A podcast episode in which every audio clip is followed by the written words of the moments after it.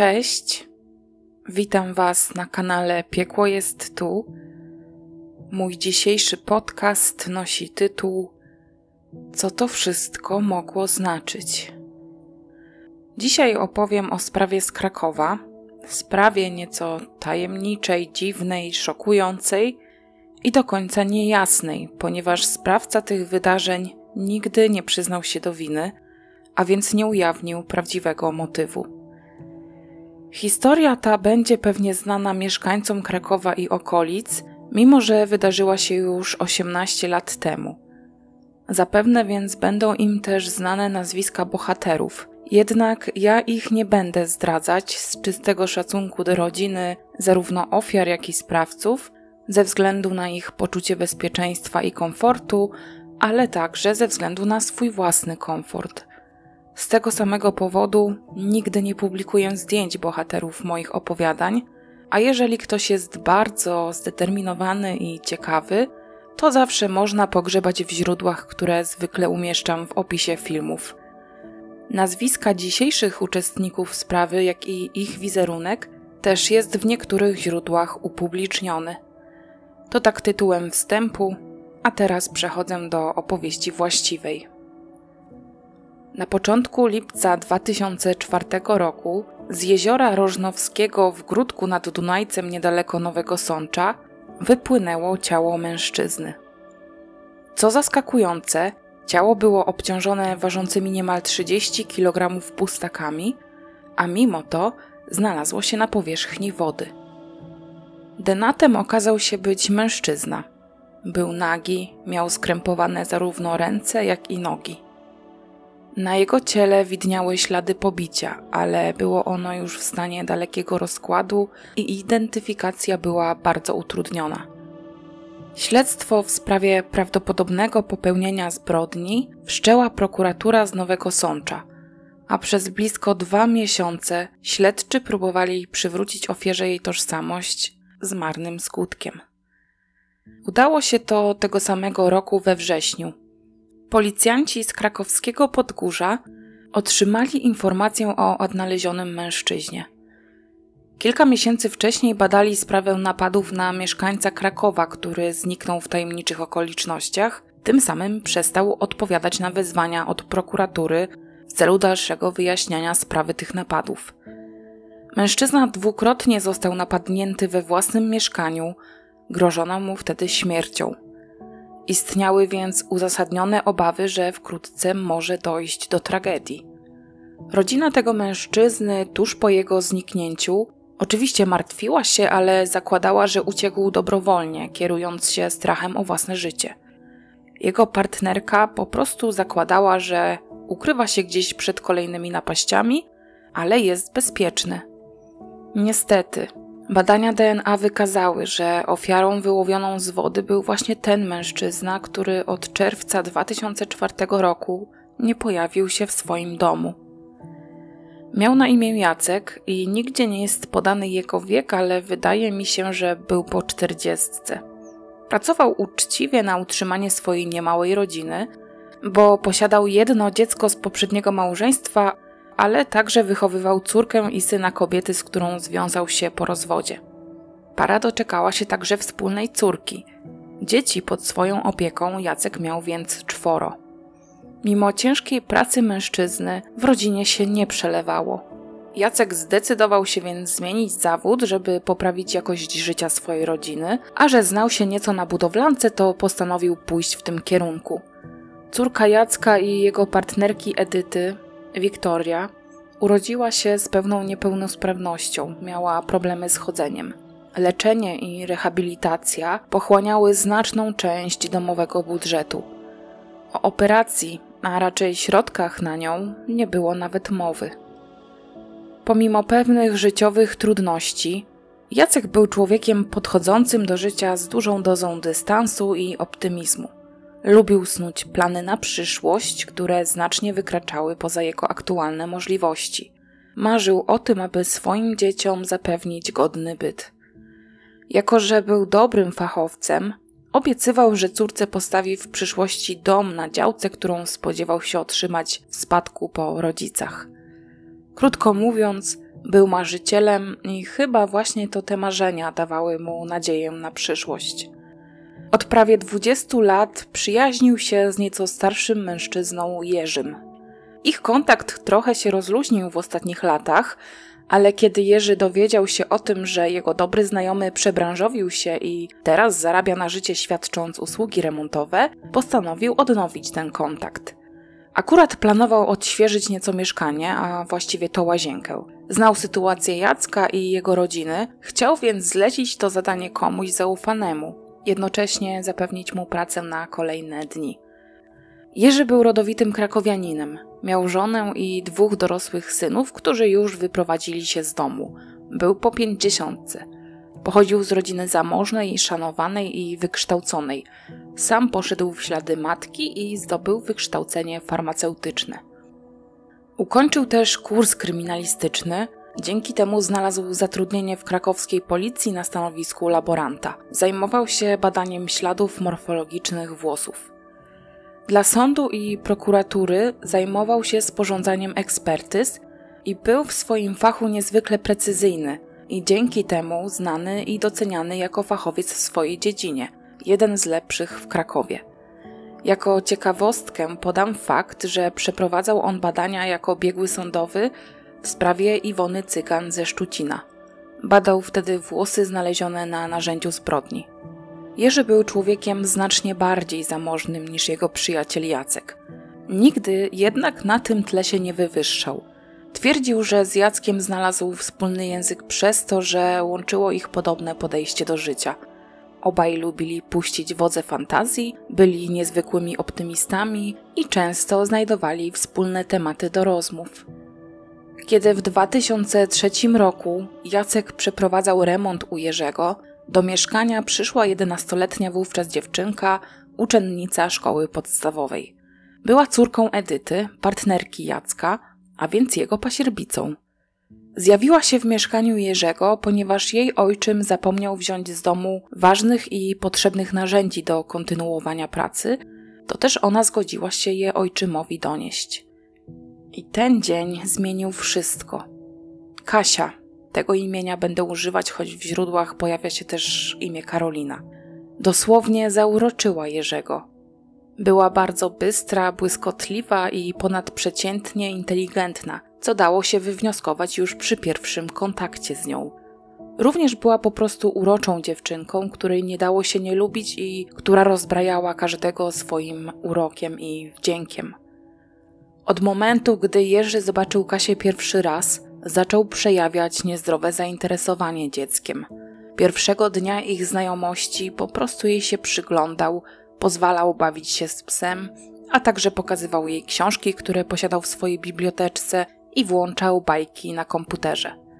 Widział, że dziewczynka interesuje się światem, zadaje mnóstwo pytań, jest bystra, rezolutna i jest też głodna wiedzy i szybko się uczy. Dodatkowo była też bardzo wrażliwa. Później za zgodą Jacka i Edyty Jerzy zapraszał Kasię do swojego domu, gdzie pozwalał jej dosłownie na wszystko, na co tylko miała ochotę. Z tego też powodu Kasia bardzo lubiła odwiedzać Jerzego. Dziewczynka zauroczyła nie tylko jego, ale też jego żonę, która nie miała nic przeciwko temu, aby opiekować się Kasią podczas jej wizyt w ich domu. Kasia do Jerzego zwracała się wujku. Czuła się przez niego bardzo rozpieszczana, bo Jerzy wraz z żoną zapewniali dziewczynce wszelkie rozrywki, na jakie nie było stać Jacka i Edyty. Między innymi Kasia pod okiem Jerzego i jego żony uczyła się jeździć konno, ale dostawała także od nich prezenty, kupowali jej ubrania, słodycze, zabierali na wycieczki za miasto. Jerzy pozwalał Kasi korzystać ze swoich książek, wspólnie odrabiali lekcje. Jako, że Jerzy z żoną dzieci mieli już dorosłe i poza nimi nikt nie mieszkał w ich mieszkaniu, Kasia była tam w centrum zainteresowania. Miała swój pokój, a Jerzy nazywał ją po prostu księżniczką. I tak też ją traktował. Początkowo Kasia pojawiała się w mieszkaniu Jerzego od czasu do czasu, ale sytuacja była bardzo dynamiczna, bo już po kilku tygodniach, kiedy Jacek skończył remont w mieszkaniu przyjaciela, dziewczynka przychodziła tam już bez ojczyma i zostawała nawet na całe weekendy. Bardzo dobrze czuła się w towarzystwie przybranego wujka i cioci. Oboje poświęcali jej bardzo dużo czasu, pozwalali jej się bawić, korzystać z komputera, czytać książki i rozpieszczali ją prezentami. Miała po prostu wszystko, czego zapragnęła. Jerzy zabierał Kasię na zakupy, podczas których mogła wybrać sobie ubrania, jakie tylko chciała. Zazwyczaj były to spódniczki, bo jak sam Jerzy przyznał, spodni w swojej szafie miała bardzo dużo. Kasia bardzo chciała zostać modelką, dlatego wujek często fotografował ją w różnych stylizacjach, które jej kupował, a później wspólnie oglądali te zdjęcia. Brzmi to nieco dziwnie i niepokojąco, ale Jerzy twierdził, że nie przekraczał żadnych granic, po prostu napawał się obecnością dziecka i nie pozwalał sobie na żadne niestosowne zachowania. Czy tak faktycznie było, sami będziecie mogli ocenić nieco później. Wkrótce weekendowy pobyt Kasi w jego domu przestał Jerzemu wystarczać. Do tego stopnia przyzwyczaił się do obecności jedenastolatki, że coraz częściej myślał o tym, aby zamieszkała ona razem z nim i jego żoną. Szukał sposobu, aby mogło się tak stać. Choć brzmi to nierealnie, bo przecież dziewczynka miała matkę. To Jerzy postanowił działać. Najpierw zwierzał się znajomym i kolegom w pracy, że w domu Jacka Kasia nie ma odpowiedniej opieki i warunków do rozwoju osobistego. Sugerował, że ojczym dziewczynki pije, a takie środowisko nie jest odpowiednie dla dorastającej nastolatki. Później już wprost mówił, że chciałby mieć Kasię pod swoją opieką. Kiedy nienachalnie wyszedł z propozycją adopcji dziewczynki, Jacek i Edyta, zaskoczeni jego pomysłem, stanowczo odmówili i ucięli temat. Jerzy jednak się nie poddawał. Tłumaczył, że ma środki na to, aby zainwestować w przyszłość dziewczynki. Widział w niej potencjał. Chciał, aby zdobyła wykształcenie, a on mógł jej to ułatwić. Miał znajomości, a więc mógł mieć realny wpływ na jej przyszłość i zawód, jaki będzie wykonywała. Chciał bowiem, aby Kasia ukończyła medycynę. Choć dziewczynka w szkole radziła sobie średnio, to Jerzy twierdził, że ma jeszcze dużo czasu na naukę i z pewnością do czasu studiów będzie w stanie przyłożyć się do niej na tyle, aby na te studia się dostać, a później się na nich utrzymać. Chciał jedynie, aby Kasia miała dobry start w życiu, a on zdecydowanie mógł jej to zapewnić. Kiedy i takie argumenty nie trafiały do jego przyjaciół, poszedł o jeszcze jeden bardzo duży krok dalej – w zamian za adopcję dziecka chciał zapłacić Jackowi i Edycie 25 tysięcy złotych, co znacznie pomogłoby im w leczeniu i rehabilitacji najmłodszej, chorej dziewczynki. Mówiąc wprost, próbował ich po prostu przekupić albo skłonić do sprzedania im dziecka. Ta propozycja wydawała się Jackowi i jego partnerce niestosowna i byli nią wręcz oburzeni – Dlatego też oczywistością jest, że na nią nie przystali, ale nadal pozwalali Kasi spotykać się z wujkiem, ponieważ dziewczynka sama tego chciała i nie sugerowała, aby coś złego jej się działo w mieszkaniu wujka. Wkrótce problemy Jacka przybrały nieoczekiwaną postać. W jego mieszkaniu dwukrotnie doszło do napaści. Nieznani mężczyźni zjawili się tam, grożąc mu śmiercią z powodu nieuregulowanego długu u jednego z krakowskich przedsiębiorców. Doszło też do pobicia i kradzieży. Sytuacja była bardzo poważna. Jacek bał się o bezpieczeństwo swojej rodziny. Sprawa oczywiście została zgłoszona na policję, ale mężczyzna nadal dostawał groźby i istniało prawdopodobieństwo, że zostaną one spełnione. Była to więc doskonała okazja do wykorzystania dla Jerzego, do tego, aby Kasia chwilowo z nim zamieszkała, gdzie byłaby znacznie bardziej bezpieczna. Mężczyzna bez cienia zawahania zaproponował Jackowi i Jedycie opiekę nad ich jedenastoletnią córką do czasu unormowania się sytuacji. W obawie przed życiem i zdrowiem dziewczynki, zarówno Jacek, jak i Edyta wyrazili zgodę na to, aby Kasia została w domu Jerzego przez najbliższy czas. Sami w tym czasie znaleźli inne schronienie. Jacek zamieszkał u swojej rodziny, Edyta wraz z resztą dzieci trafiła do ośrodka interwencji kryzysowej. Wkrótce Edytę zaczęły nachodzić niepokojące myśli. Zaczęło jej się wydawać, że w zachowaniu Jerzego jest coś niewłaściwego i zagrażającego jej rodzinie. Jego zainteresowanie jedenastolatką było zbyt podejrzane i wydawało jej się mieć także powiązanie z wizytami bandytów w mieszkaniu, które dzieliła z Jackiem. Mówiąc wprost, zaczęła podejrzewać, że przyjaciel rodziny stoi za tymi napaściami, a tak właściwie to za ich zleceniem. O swoich wątpliwościach powiadomiła Jacka, a także Jerzemu dała do zrozumienia, że się czegoś domyśla. Kasię czym prędzej, czyli ledwie po dwóch tygodniach, odebrała z jego mieszkania. Niedługo później jej partner zaginął. Ostatni raz Jacek był widziany 17 czerwca 2004 roku. Wcześniej rano, tuż po godzinie 6, wyszedł ze swojego mieszkania, gdzie zarejestrowała go kamera, do pracy – i skierował się na przystanek autobusowy. Później ślad się po nim urwał, ale tak jak wspomniałam na początku historii, rodzina podejrzewała, że mężczyzna po prostu ukrył się z obawy o swoje życie i nie podejrzewała nawet, że doszło jednak do tragedii. Dopiero kiedy odnaleziono jego ciało, można było wszcząć postępowanie w sprawie zabójstwa.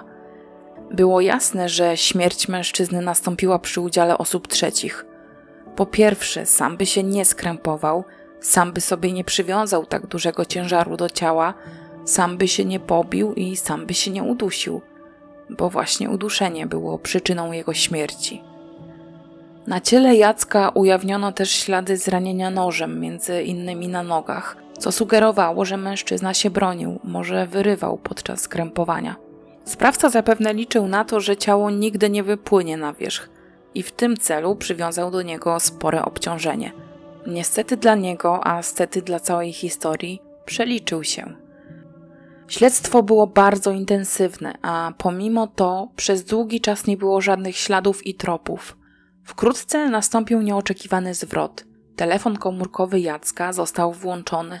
Okazało się, że ktoś sprzedał go do komisu.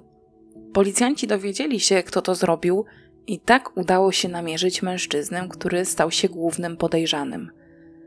Tym mężczyzną był Tomasz K. I rzeczywiście przyznał się do zabójstwa, ale nie działał sam.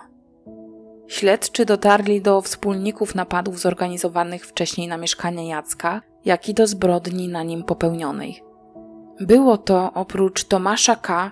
czterech mężczyzn pochodzących z takiego samego środowiska jak on – czyli po prostu recydywistów z licznymi wyrokami na koncie, w większości za kradzieże i pobicia. Zarówno Tomasz K., jak i Daniel, Roman, Andrzej i Tomasz R. zostali aresztowani i przesłuchani przez policję. Udało się ustalić, że napadami zajmowali się Andrzej i Tomasz R., natomiast w zabójstwie brali udział Tomasz K., Roman i Daniel. Zapewne nikogo nie zdziwi, że pierwszy ze sprawców i właściwie chyba główny wykonawca zlecenia, czyli Tomasz K., to dobry znajomy Jerzego. Dzięki zeznaniom aresztowanych mężczyzn, śledczy w ciągu długiego śledztwa, bo trwającego niemal dwa lata, byli w końcu w stanie odtworzyć przebieg wydarzeń i dowiedzieć się, co spotkało Jacka i dlaczego zginął. Zleceniodawcą zbrodni był właśnie Jerzy – Znał Tomasza K. już od długiego czasu. Znał też jego przeszłość kryminalną i wiedział, że za drobne pieniądze mężczyzna będzie w stanie wykonać najbrudniejszą robotę. Spotykał się z nim i z jego kolegami w jednym z pubów na terenie Krakowa, gdzie od razu wyłożył kawę na ławę.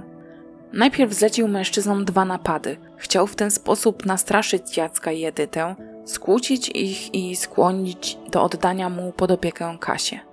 Myślał, że jeśli Jacek utraci stabilny grunt pod nogami, to będzie bardziej skłonny do przekazania Kasi pod opiekę przyjaciela. Jerzy zatem był cały czas blisko Jacka w momentach, kiedy te napady się wydarzały. Chciał w ten sposób pokazać, że jego rodzina może na niego liczyć. Chciał, żeby obdarzyła go bezgranicznym zaufaniem. Pomimo, że plan przez wynajętych bandytów został wykonany – to znaczy w rodzinie Jacka zapanował chaos, strach i pojawiły się powody do niepokoju o życie każdego członka rodziny, to mężczyzna wraz ze swoją partnerką, która była przecież matką dziewczynki, wciąż nie wyrażali zgody, aby Kasia trafiła pod stałą opiekę Jerzego. I tą odmową Jacek podpisał na siebie wyrok. Zburzony odmową Jerzy ponownie odezwał się do Tomasza K. i poprosił o spotkanie. Powiedział wtedy, że Jacka trzeba się definitywnie pozbyć. Jerzy kontaktował się z Tomaszem wielokrotnie, również w dniu zaginięcia Jacka, co zresztą zostało mu udowodnione poprzez zdobycie bilingów rozmów Jerzego z tego dnia. Mężczyzna chciał, aby Jacek zniknął, a jego partnerka została poważnie ranna, nawet sparaliżowana, tak aby do końca życia jeździła na wózku i nie była w stanie opiekować się dziećmi. Tylko w ten sposób Jerzy mógł osiągnąć swój cel. Mógł przejąć opiekę nad Kasią tylko wtedy, kiedy dziewczynką nie będzie w stanie zająć się nikt inny. 17 czerwca 2004 roku obok Jacka pojawiło się trzech mężczyzn. Był to Tomasz, Roman i Daniel. Zaatakowali Jacka, a później wciągnęli do bagażnika samochodu. Następnie pojechali pod komendę wojewódzką policji, gdzie akurat swoją zmianę odbywał Jerzy. Mężczyzna przerwał pracę, wyszedł przed budynek, podszedł do samochodu, otworzył bagażnik i zobaczył w nim swojego przyjaciela. Powiedział kilka słów do Jacka, prawdopodobnie obelżywych, a następnie dał napastnikom do zrozumienia, że mają się go pozbyć. Ci posłusznie wykonali polecenie. Najpierw pobili Jacka, później go udusili, a jego nagie, obciążone cegłami ciało wrzucili do zbiornika wodnego. Jakiś czas później, po naciskach Jerzego, mieli też rozprawić się z Edytą, a mówiąc ściślej, pobić ją, ale już nie zdążyli. Ciało Jacka wypłynęło niecały miesiąc później, a już we wrześniu zostało zidentyfikowane. Przy pomocy programu magazyn kryminalny 997 sprawa została rozdmuchana, na tyle, że znalazło się wielu świadków, którzy w dniu zaginięcia Jacka mogli coś zauważyć. Ja do tego odcinka nie dotarłam, więc nie wiem, jaka wersja zdarzeń została tam przedstawiona i czy wtedy brano pod uwagę Jerzego jako jednego z podejrzanych. Ale na szczęście pojawił się ten sygnał telefonu, który dało się namierzyć, a później śledztwo poszło do przodu. Zeznania współpracujących ze sobą mężczyzn obciążyły Jerzego na tyle, że postanowiono go aresztować. Jednak próżno było oczekiwać od niego przyznania się do winy. Jerzy twierdził, że nie miał z tą zbrodnią nic wspólnego. Za bardzo lubił Jacka, aby chcieć dla niego takiego losu. Śledczy jednak zebrali wystarczające dowody, aby doszło do procesu. Między innymi wspomniane bilingi rozmów potwierdzające wymianę zdań pomiędzy Jerzym a wykonawcą zlecenia, ale także ewidencja wejść i wyjść Jerzego z budynku komendy policji, w której pracował.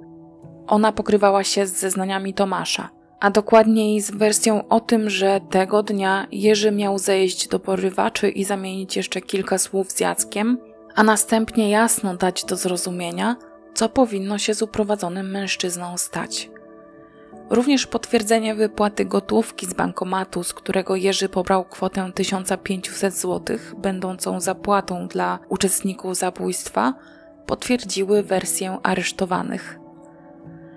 Za motyw zlecenia zabójstwa przyjęto chęć pozbycia się opiekunów 11-letniej pasierbicy Jacka i tym samym przejęcia nad nią stałej opieki.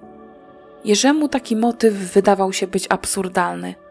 Definitywnie zaprzeczył, że kiedykolwiek chciał mieć dziewczynkę pod stałą opieką, a wszystkie swoje słowa dotyczące adopcji zakwalifikował jako żarty. Zeznał, że między nim a Kasią wykształciła się bardzo silna emocjonalna więź, która sprawiła, że traktował ją jak córkę i zawsze chciał tylko tego, aby była bezpieczna, zdrowa i szczęśliwa. Zdawał sobie jednak sprawę z tego, że dziewczynka nigdy nie będzie jego dzieckiem. Świadomie więc nie naraziłby ją na żaden stres. To też zarzuty pod jego adresem o to, że zlecił napad na mieszkanie, w którym Kasia na co dzień przebywała, jak i morderstwo jej ojczyma, uznawał za kompletne bzdury. W trakcie śledztwa natrafiono na informację o tym, że Jerzy wraz z żoną kilkanaście lat wcześniej wzięli pod opiekę dziesięcioletnią dziewczynkę z domu dziecka, którą Jerzy poznał, kiedy robił zdjęcia dzieciom przebywającym w tej placówce na zlecenie jakiegoś znajomego. Wraz z żoną przez 8 lat stanowił dla Ani rodzinę zastępczą, ale kiedy dziewczyna dorosła, wyjechała z kraju i od tamtej pory nie utrzymywała już kontaktu ani z Jerzym, ani z jego żoną, ani nawet z ich synami, z którymi się przecież wychowywała. Śledczy dotarli do tej kobiety i przeprowadzili z nią rozmowę telefoniczną. Można uznać to za zeznania, choć przesłuchanie odbywało się na odległość, ale są one dołączone do akt sprawy. Dziewczyna zaprzeczyła, by kiedykolwiek Jerzy zachowywał się wobec niej niestosownie, molestował ją czy do czegoś nakłaniał. Powodem zerwania przez nią kontaktu z tą rodziną był fakt, że w momencie, kiedy ukończyła 18 lat, Jerzy zasugerował jej, że powinna się usamodzielnić, co też uczyniła. Żona Jerzego ma pewność co do jednego: ani nigdy nie brakowało troski i miłości w ich domu. Prawdziwy powód zerwania przez nią więzi na pewno leży gdzieś głębiej, ale tego dziewczyna widocznie nie chciała zdradzić. Mimo braku przyznania się do winy, krakowska prokuratura sporządziła akt oskarżenia i Jerzy wraz z wykonawcami zlecenia stanął przed sądem okręgowym w Krakowie. Zarzut, jaki na nim ciążył, to właśnie zlecenie napadów i zabójstwa. Prokurator żądał wymierzenia mu kary dożywotniego pozbawienia wolności. Motywacją do tego działania był fakt, że żona ofiary zaczęła domyślać się, kto stoi za napadami, których doświadczała wraz z mężem w ostatnim czasie. Jerzy bał się obciążających go zeznań i w konsekwencji aresztowania i zdemaskowania. Miał zamiar pozbyć się również Edyty i za to dostał zarzut podżegania do zabójstwa. Jerzy wypierał się znajomości z mężczyznami, którzy brali udział w porwaniu i zabójstwie. Utrzymywał, że widywał się tylko z Tomaszem w celach towarzyskich, a reszty mężczyzn nie zna. Może tylko widział raz Andrzeja, bo przyszedł kiedyś na spotkanie wraz z Tomaszem. Opowiadał o rodzinie Jacka, że dzieje się w niej źle ze względu na to, że jego przyjaciel ma problem alkoholowy. Powiedział w obecności Tomasza i, i przysłuchującego się rozmowie Andrzeja, że należałoby Jackiem porządnie potrząsnąć, aby się opamiętał i zaczął dbać o losy swojej rodziny oraz zamiast uciekać w alkohol, docenił rodzinę, którą ma i postarał się o lepsze życie dla niej. Jerzy uznał więc, że Tomasz potraktował to jako wyzwanie czy też zlecenie, natomiast wypierał się, aby kiedykolwiek prosty miał kolegę poprosić o czyny, o jakie został oskarżony, bynajmniej nigdy za nic takiego nikomu nie płacił.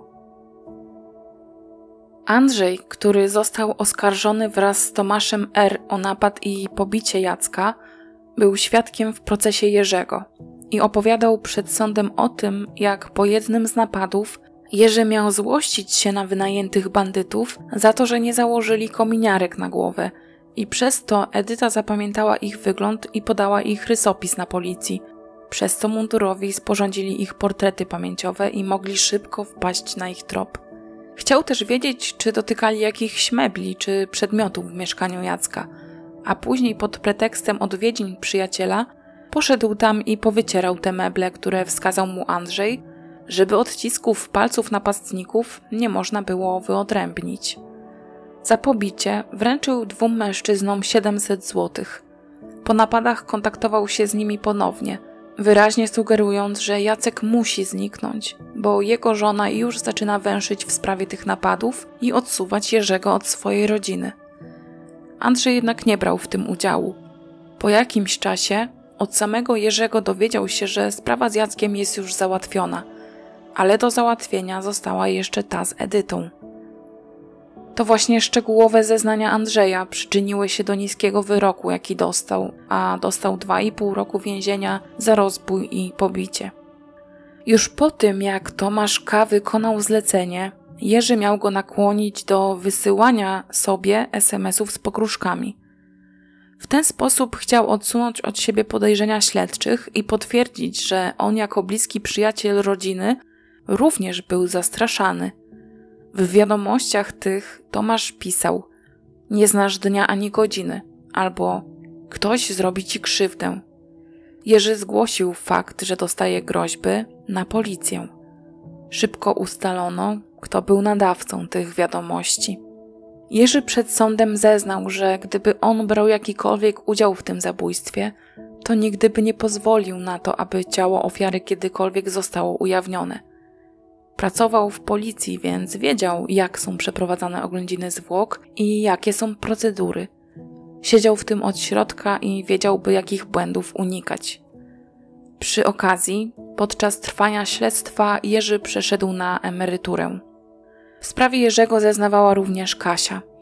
Dziewczynka potwierdziła, że Jerzy miał pytać ją, czy chciałaby z nim zamieszkać oraz czy kocha swojego ojczyma i czy chciałaby, aby on z nią mieszkał. Mówił jej, że chciałby ją zaadoptować i że mógłby pokryć koszty leczenia jej siostry, gdyby Kasia zamieszkała z nim na stałe. Twierdził, że nie ma nic za darmo. Jednocześnie zaprzeczyła, aby wujek kiedykolwiek zachowywał się wobec niej niestosownie, próbował ją dotykać czy do czegoś nakłaniać. Było kilka dziwnych sytuacji, kiedy dziewczynka przebywała pod opieką Jerzego, a jego żony nie było w domu. Między innymi Jerzy zapraszał ją do łazienki, kiedy się kąpał. Sugerował, że mogliby wykąpać się razem.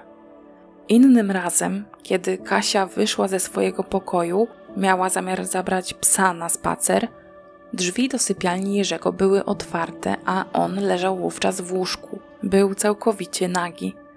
Kiedy zobaczył Kasię, nie zakrył się, tylko popatrzył jej w oczy. Psycholog uznał zwierzenia dziecka za całkowicie wiarygodne. A jednak Jerzy zaprzeczał, aby takie sytuacje miały kiedykolwiek miejsce. A jeśli miały, to jedynie w żartach, bo jak twierdził, często sobie z Kasią żartowali. Ale prędzej uznałby takie sytuacje za wyolbrzymione przez bujną wyobraźnię dziecka. Twierdził też, że nigdy nie padło z jego ust słowo adopcja oraz że sugerowanie dziewczynce, że mógłby ją odkupić za pieniądze na leczenie jej siostry, były wyłącznie żartem. Nigdy więcej nie wrócili już do tego tematu. Zacytuję teraz fragment zeznania Edyty, mamy Kasi. Ten fragment możecie usłyszeć w materiale superwizjera, Polecam obejrzeć, jeśli ktoś jest ciekawy, jak po latach Jerzy wspomina relacje z Jackiem, jego rodziną, tym również i w zasadzie szczególnie z Kasią, i te kluczowe wydarzenia, które zaważyły na dalszych losach zarówno jego rodziny, jak i rodziny Jacka. Kasia w imieniny Jerzego była z nim w jakimś lokalu w śródmieściu. Podczas zamawiania posiłku powiedział do kelnerki, że dla tej młodej damy prosi wino – bo ona już pija wino. Nadto wyraził się do kelnerki. W jaki sposób ta młoda dama działa na mężczyzn, to sobie pani nie wyobraża. Znajomy Jerzego zeznał przed sądem, że oskarżony miał mu się kiedyś zwierzyć ze swojego romansu z młodą dziewczyną. Zwierzał się, że ma zamiar załatwić jej studia na Akademii Medycznej, ale dziewczyna nie uczy się najlepiej, dlatego opłacił jej korepetycje z kluczowych przedmiotów. Powiedział, że ma ona jeszcze dużo czasu na to, aby podciągnąć się w nauce, bo nie skończyła jeszcze szkoły podstawowej. Zaskoczony takim wyznaniem znajomy skontaktował się z żoną Jerzego, ale ona sprawiała wrażenie, jakby o całej sytuacji od dawna wiedziała. Wyznała mu wtedy, że musi przymykać na to oko, bo w domu pod każdym względem, a zwłaszcza ekonomicznym, rządzi Jerzy, a ona musi się do niego dostosować, bo jest od niego zależna. Oczywiście Jerzy oburzył się takimi zeznaniami, ponieważ w momencie, kiedy on poznał Kasię, z tym znajomym nie miał prawie w ogóle kontaktu. Widział go zaledwie parę razy i do głowy by mu nawet nie przyszło, aby zwierzać mu się z tak prywatnych rzeczy, skoro dzielił ich pewien dystans. Badania psychiatryczno-psychologiczne za pierwszym razem nie wykazały żadnych nieprawidłowości w jego osobowości. Kolejne badania wykazały jednak zaburzenia osobowości. Jerzy był badany także przez seksuologa i nie wykazywał przejawów niezdrowego zainteresowania dziećmi. Jerzy w ostatnim słowie mówił: Nie wiem, jaki debil stwierdził, że ja chciałem zabić Jacka, żeby przejąć opiekę nad dzieckiem. To jest jakieś chore myślenie. On nie był jej ojcem, nie był jej opiekunem. Poza tym, moja żona nigdy by się na to nie zgodziła Nigdy nie było żadnego zlecenia zabójstwa. Takie coś jest po prostu niemożliwe. Sąd pierwszej instancji w grudniu 2008 roku wygłosił wyrok, uznając motyw popełnienia przez Jerzego czynu jako zasługujący na szczególne potępienie. Ale wykluczył, że Jerzy koniecznie chciał zaadoptować Kasię z powodu seksualnego pociągu do niej. Zgodnie z wnioskiem prokuratora skazał Jerzego na dożywocie. Tomasz K., główny wykonawca zlecenia, dostał 25 lat więzienia, a pozostali dwaj uczestnicy porwania i zabójstwa po 12 i 10 lat więzienia, które później sąd apelacyjny zwiększył do 15 lat pozbawienia wolności, nie zmieniając tylko wyroku zasądzonego dla Tomasza K. Sprawa Jerzego przez krakowski sąd apelacyjny została przekazana do ponownego rozpatrzenia z powodu zbyt powierzchownego potraktowania sprawy, niewniknięcia w nią dokładniej i niezbadania precyzyjniej pobudek Jerzego do popełnienia czynu.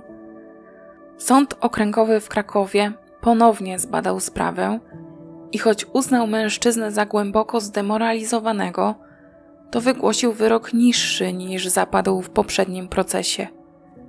Jerzy w 2011 roku dostał wyrok 25 lat pozbawienia wolności, ale z możliwością ubiegania się o przedterminowe zwolnienie dopiero po upływie 20 lat kary.